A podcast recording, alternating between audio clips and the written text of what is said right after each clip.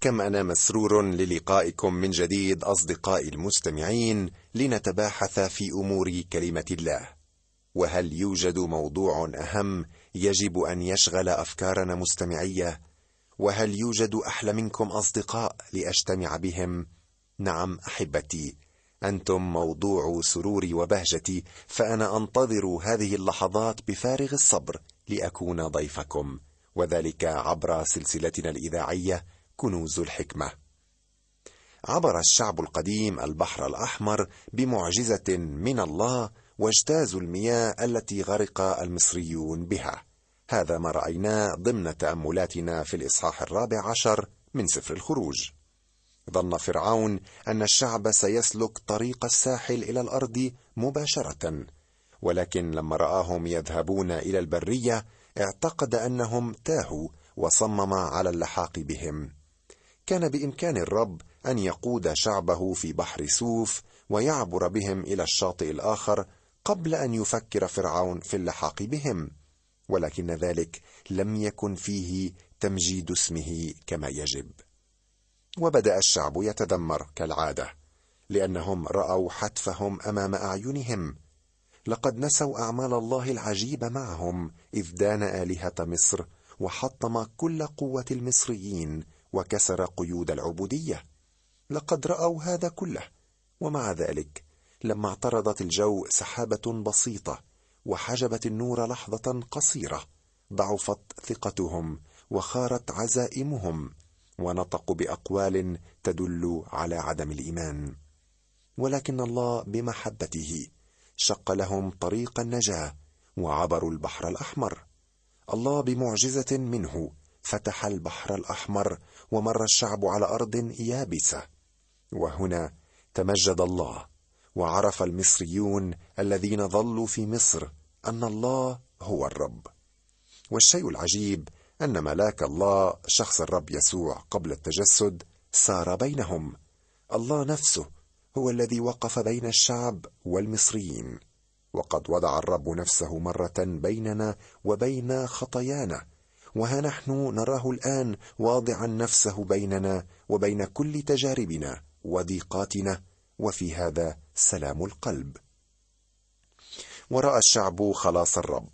في بداية مسيرتهم في البرية رأوا قوة الله عندما خلصهم بالدم من مصر. وها هو الآن يعاود إظهار قوته لهم بأخذهم إلى بر الأمان عبر البحر الأحمر. وإهلاك المصريين خلفهم. نعم لقد خلص الله شعبه بالقوة والقدرة. من أجل ذلك رنم موسى والشعب ترنيمة الفداء. أرنم للرب فإنه قد تعظم الفرس وراكبه طرحهما في البحر. الرب قوتي ونشيدي وقد صار خلاصي. هذا إلهي فأمجده. إله أبي فأرفعه. الرب رجل الحرب. الرب اسمه. هذا ما سنراه اليوم في دراستنا للإصحاح الخامس عشر من الخروج. هل تتصور مستمعي هذا نفس الشعب الذي قبل ساعات قليلة كان يتذمر على الله ويقول لأنه ليست قبور في مصر أخذتنا لنموت في البرية؟ ها نحن الآن نراه يرنم ويسبح للرب. نقرأ في رسالة كورنثوس الأولى في العهد الجديد أن هذه الأمور جميعها أصابتهم مثالا وكتبت لإنذارنا نحن الذين انتهت إلينا أواخر الدهور. يستخدم الله هذه التجربة ليعلمنا حقيقة هامة. يتابع بولس ويقول فإني لست أريد أيها الإخوة أن تجهلوا أن آباءنا جميعهم كانوا تحت السحابة وجميعهم اجتازوا في البحر وجميعهم اعتمدوا لموسى في السحابة وفي البحر. كيف اعتمد الشعب لموسى؟ ليس بالماء حتما لأنهم عبروا على أرض ناشفة. المصريون هم الذين تبللوا بالماء. إذا ماذا تعني هذه العبارة؟ اعتمدوا لموسى تعبر عن اتحادهم به لأنهم خلصوا من خلاله. وفريضة المعمودية بالماء والتي هي مهمة جدا هي اتحاد وتماثل إذ أنها تصور لنا معمودية الروح القدس التي تجعلنا متحدين مع المسيح وفي المسيح. يقول كاتب العبرانيين بالإيمان اجتازوا في البحر الأحمر كما في اليابسه الأمر الذي لما شرع فيه المصريون غرقوا.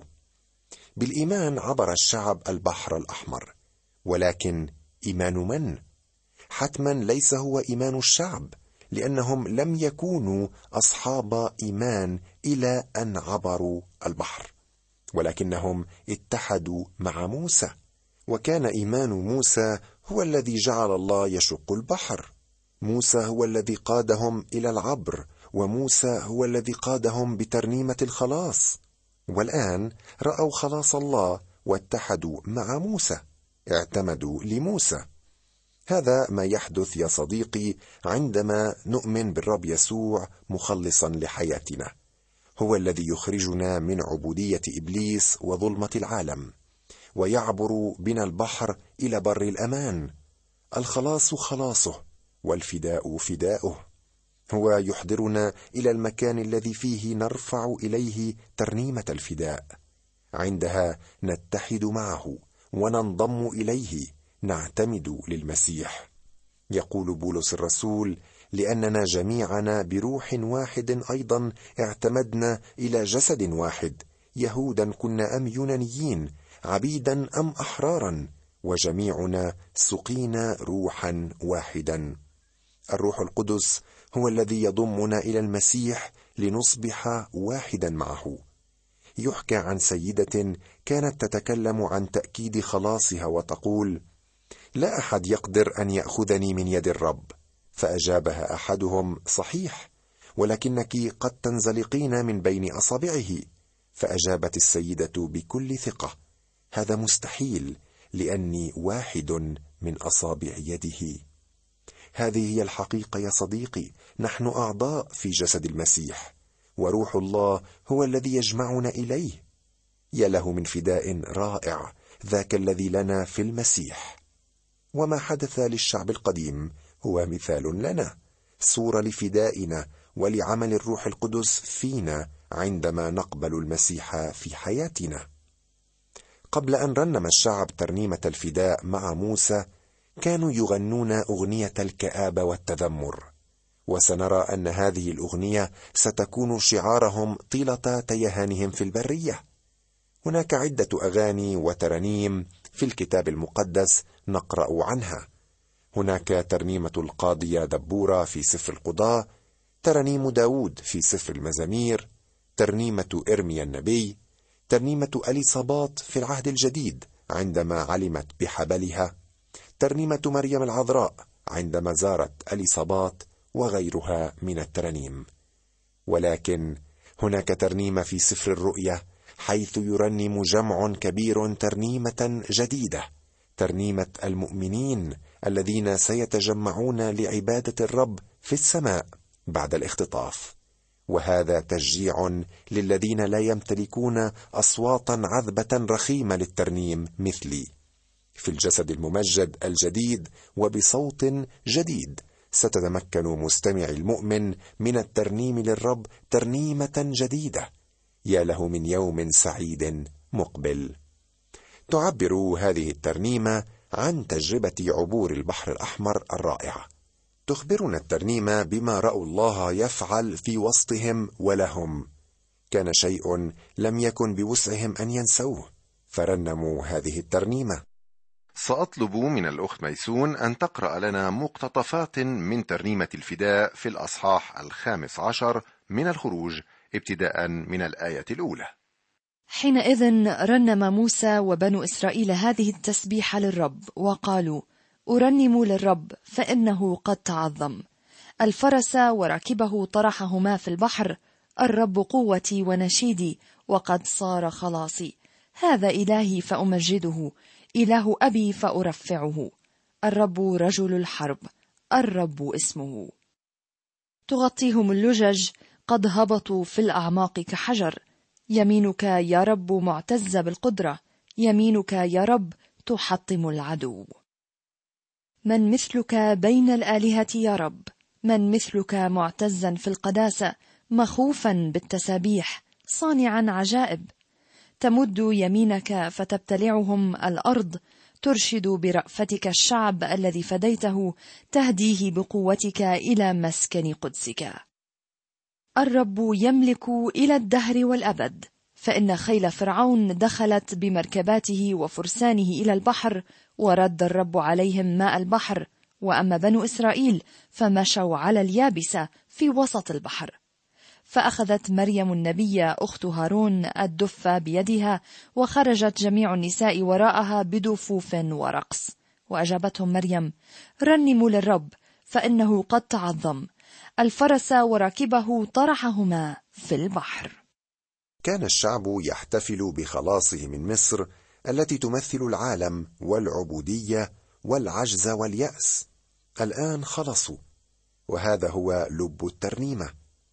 يمكننا أن نعتبر هذا الإصحاح الخامس عشر من الخروج أنموذجا جميلا للتسبيح الصحيح فهو لغة شعب مفدي يغني ويسبح لذاك الذي فداه. تذكر أنهم خرجوا من أرض وثنية والآن وصلوا إلى الاستنتاج التالي. من مثلك بين الآلهة يا رب؟ من مثلك معتزا في القداسة مخوفا بالتسبيح؟ صانعا عجائب. كان الله يعلمهم دروسا ثمينة فيما يختص بشخصه المبارك. الخطوة الأولى الهامة هي الفداء. الله يا صديقي لا يطلب منك أن تعمل أي شيء قبل أن تخلص بواسطة المسيح. الله لا يطلب منك أن تثبت جدارتك وحسناتك. كل ما يقوله لك ماذا أنت فاعل بابني الذي مات لأجلك؟ استمع إلى العدد الثالث عشر. ترشد برأفتك الشعب الذي فديته تهديه بقوتك إلى مسكن قدسك. بدا الأمر وكأنهم فعلا في الأرض. بالنسبة لله هم في الأرض لأنه سيأخذهم إلى هناك. والآن نتعرف على فتاة لم نسمع عنها منذ ولادة موسى مريم أخت موسى وهارون. فأخذت مريم النبية أخت هارون الدف بيدها وخرجت جميع النساء وراءها بدفوف ورقص وأجابتهم مريم رنموا للرب فإنه قد تعظم الفرس وراكبه طرحهما في البحر. هذا هو استنتاج وختام ترنيمة الشكر والتسبيح لله من أجل خلاصه. ما أجمل أن يكون الله وحده موضوع النشيد والتسبيح. ومتى انشغلت النفس بالله؟ يتلاشى الإنسان ولم يعد لأعماله واختباراته تأثير ولا ذكر وحينئذ تفيض مجاري الحمد بغزارة وتتدفق كالأنهار. ما أعظم الفرق بين لغه هذه الترنيمة ولغه الكثير من الترانيم المشحونة بذكر الضعفات والسقطات؟ تأكد يا أخي أنه يستحيل علينا أن نرنم بقلوبنا للرب أغاني روحية حقيقية ما دامت أفكارنا مشغولة بذواتنا. أمضى الشعب وقتا رائعا في تسبيح الرب والترنيم له. الآن هم شعب مفدي. قد تعتقد أن كل الحجارة ستزال من الطريق وستفرش الورود في كل مكان وستنتهي الصعوبات. لا يجب أن تكون غيمة في السماء ولا شوكة في الطريق ولا تنهيدة في القلب. ولكن ليس الأمر كذلك صدقني يا أخي. وتجربة الشعب القديم تثبت ذلك. ما ان ساروا مسيرة ثلاثة أيام فقط حتى داهمهم العطش. استمع إلى قراءة ما تبقى من الأصحاح الخامس عشر بدءا من العدد الثاني والعشرين. ثم ارتحل موسى بإسرائيل من بحر سوف وخرجوا إلى برية شور. فصاروا ثلاثة أيام في البرية ولم يجدوا ماء. فجاءوا إلى مارة ولم يقدروا أن يشربوا ماء من مارة لأنه مر. لذلك دعي اسمها مارة. فتذمر الشعب على موسى قائلين ماذا نشرب؟ فصرخ إلى الرب فأراه الرب شجرة فطرحها في الماء فصار الماء عذبا. هناك وضع له فريضة وحكما وهناك امتحنه. فقال إن كنت تسمع لصوت الرب إلهك وتصنع الحق في عينيه وتصغى إلى وصاياه وتحفظ جميع فرائضه فمرضا ما مما وضعته على المصريين لا أضع عليك فإني أنا الرب شافيك.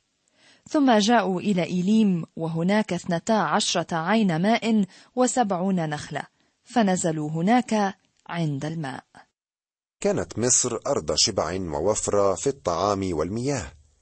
أما الآن فيجد الناس أنفسهم في ظروف مغايرة بدون ماء. ذهبت آبار مصر ولم يستطيعوا أن يجدوا ينابيع الماء الحي. هكذا المؤمن بعد الخلاص يجد أن مياه العالم لا تروي الظمأ ويختبر عطشا روحيا. هذا ما تحدث عنه بولس عندما قال إلى أهل فيليبي لكن ما كان لي ربحا فهذا قد حسبته من أجل المسيح خسارة. ثم يكشف بولس عن عطش شديد واشتياق عارم ويقول لأعرفه وقوة قيامته وشركة آلامه متشبها بموته. هذه هي تجربة المؤمن بعد خلاصه. تحولت أصوات تسبيح الشعب إلى أنين. ماذا نشرب؟ صديقي لابد من رحلة إلى البرية بعد الإيمان. ستعطش حتما ولكن أبار العالم بملئها لن تروي عطشك. تبحث عن ماء حي ولا تدري أين تجده. ولكن إليك هذه الكلمات المعزية. وفي اليوم الأخير العظيم من العيد وقف يسوع ونادى قائلا إن عطش أحد فليقبل إلي ويشرب. تعال إليه تعال والتصق به وهو سيرويك. هذا الشعب الذي أخرجه الله بقوة ذراعه من الذل عطش ولم يجد ماء. والآن يواجه تجربة أخرى تجربة المياه المرة. ثلاثة أيام من الارتحال في البرية وبدون ماء. وما أن يصلوا إلى نبع ماء يجدونها مرة وغير صالحة للشرب. تذكر أن الشعب الآن مخلص وكان نبع مارة في مخطط الرب لهذا الشعب. صديقي نبع مارة أمر بديهي في حياة المؤمن. عندما تواجهك ظروف مرة فإنك ترتبك وتحتار. قد تتساءل لماذا يسمح الله أن يحدث ذلك معي؟ لا يمكنني أن أخبرك السبب ولكني أؤكد لك أن الله لا يعاقبك في هذه الظروف. بل هو يدربك ويحضرك إلى شيء ما في فكره تعالى. قال يسوع في العالم سيكون لكم ضيق ستواجهون نبع مارة. الله يرتب هذه العقبات في الطريق ليصقل نفوسنا وشخصياتنا. كما قال أحدهم إن الفشل والضيق يعلن عن الموعد للتقابل مع الله. نعم يا أخي الحياة مليئة بالضيقات والمفشلات والأحزان ولا يمكننا أن نتجنبها أو نمر عنها. ولكن ما الذي جعل المياه حلوة وصالحة للشرب؟ عندما طرحوا شجرة فيها. يخبرنا سفر التثنية ما يلي. المعلق ملعون من الله. ثم نقرأ في رسالة غلاطيا في العهد الجديد ملعون كل من علق على خشبه. ويسوع المسيح مات على خشبة مصنوعة من شجرة ليعطي حلاوة لحياتنا. ذاق الموت وانتزع منه شوكته. أين شوكتك يا موت؟ أين غلبتك يا هاوية؟ نعم صليب المسيح. الشجرة التي علق عليها المسيح هو الذي يحلي نبع مارة في حياتنا ويجعلنا نحتمل على أنه يوجد في البرية أيضا إيليم. ثم جاءوا إلى إيليم وهناك اثنتا عشر عين ماء وسبعون نخلة فنزلوا هناك عند الماء. إيليم كان مكان وفرة وبركة. بعد المرار جاء الله بالشعب إلى إيليم وهكذا نجد الرب في نعمته يقدم لشعبه وهو سائر في البرية المراعي الخضراء ومياه الراحة. ولا شك أن الغرض من إيليم كان تهدئة خواطر الشعب وتسكين أنينهم. فعلا عند المساء يبيت البكاء وفي الصباح ترنم وبعد العاصفة لابد من بزوغ الشمس. تأكد صديقي المستمع أنه بعد مارة في حياتك لابد من إيليم. كثيرون اختبروا ذلك. أنا نفسي اختبرت ذلك. وستكتشف بنفسك هذا الأمر أيضا إذا كنت لم تمر به بعد. قال أحدهم أنا أقتفي أثر قوس القزح من خلال الشتاء. هكذا يقودنا الله وهكذا يعلمنا من خلال تجربة الشعب القديم في البرية. أرجو مستمعي أن تستفيد من هذه الدروس التي تعلمها الشعب القديم في برية سيناء بينما تسير اليوم في برية هذا العالم.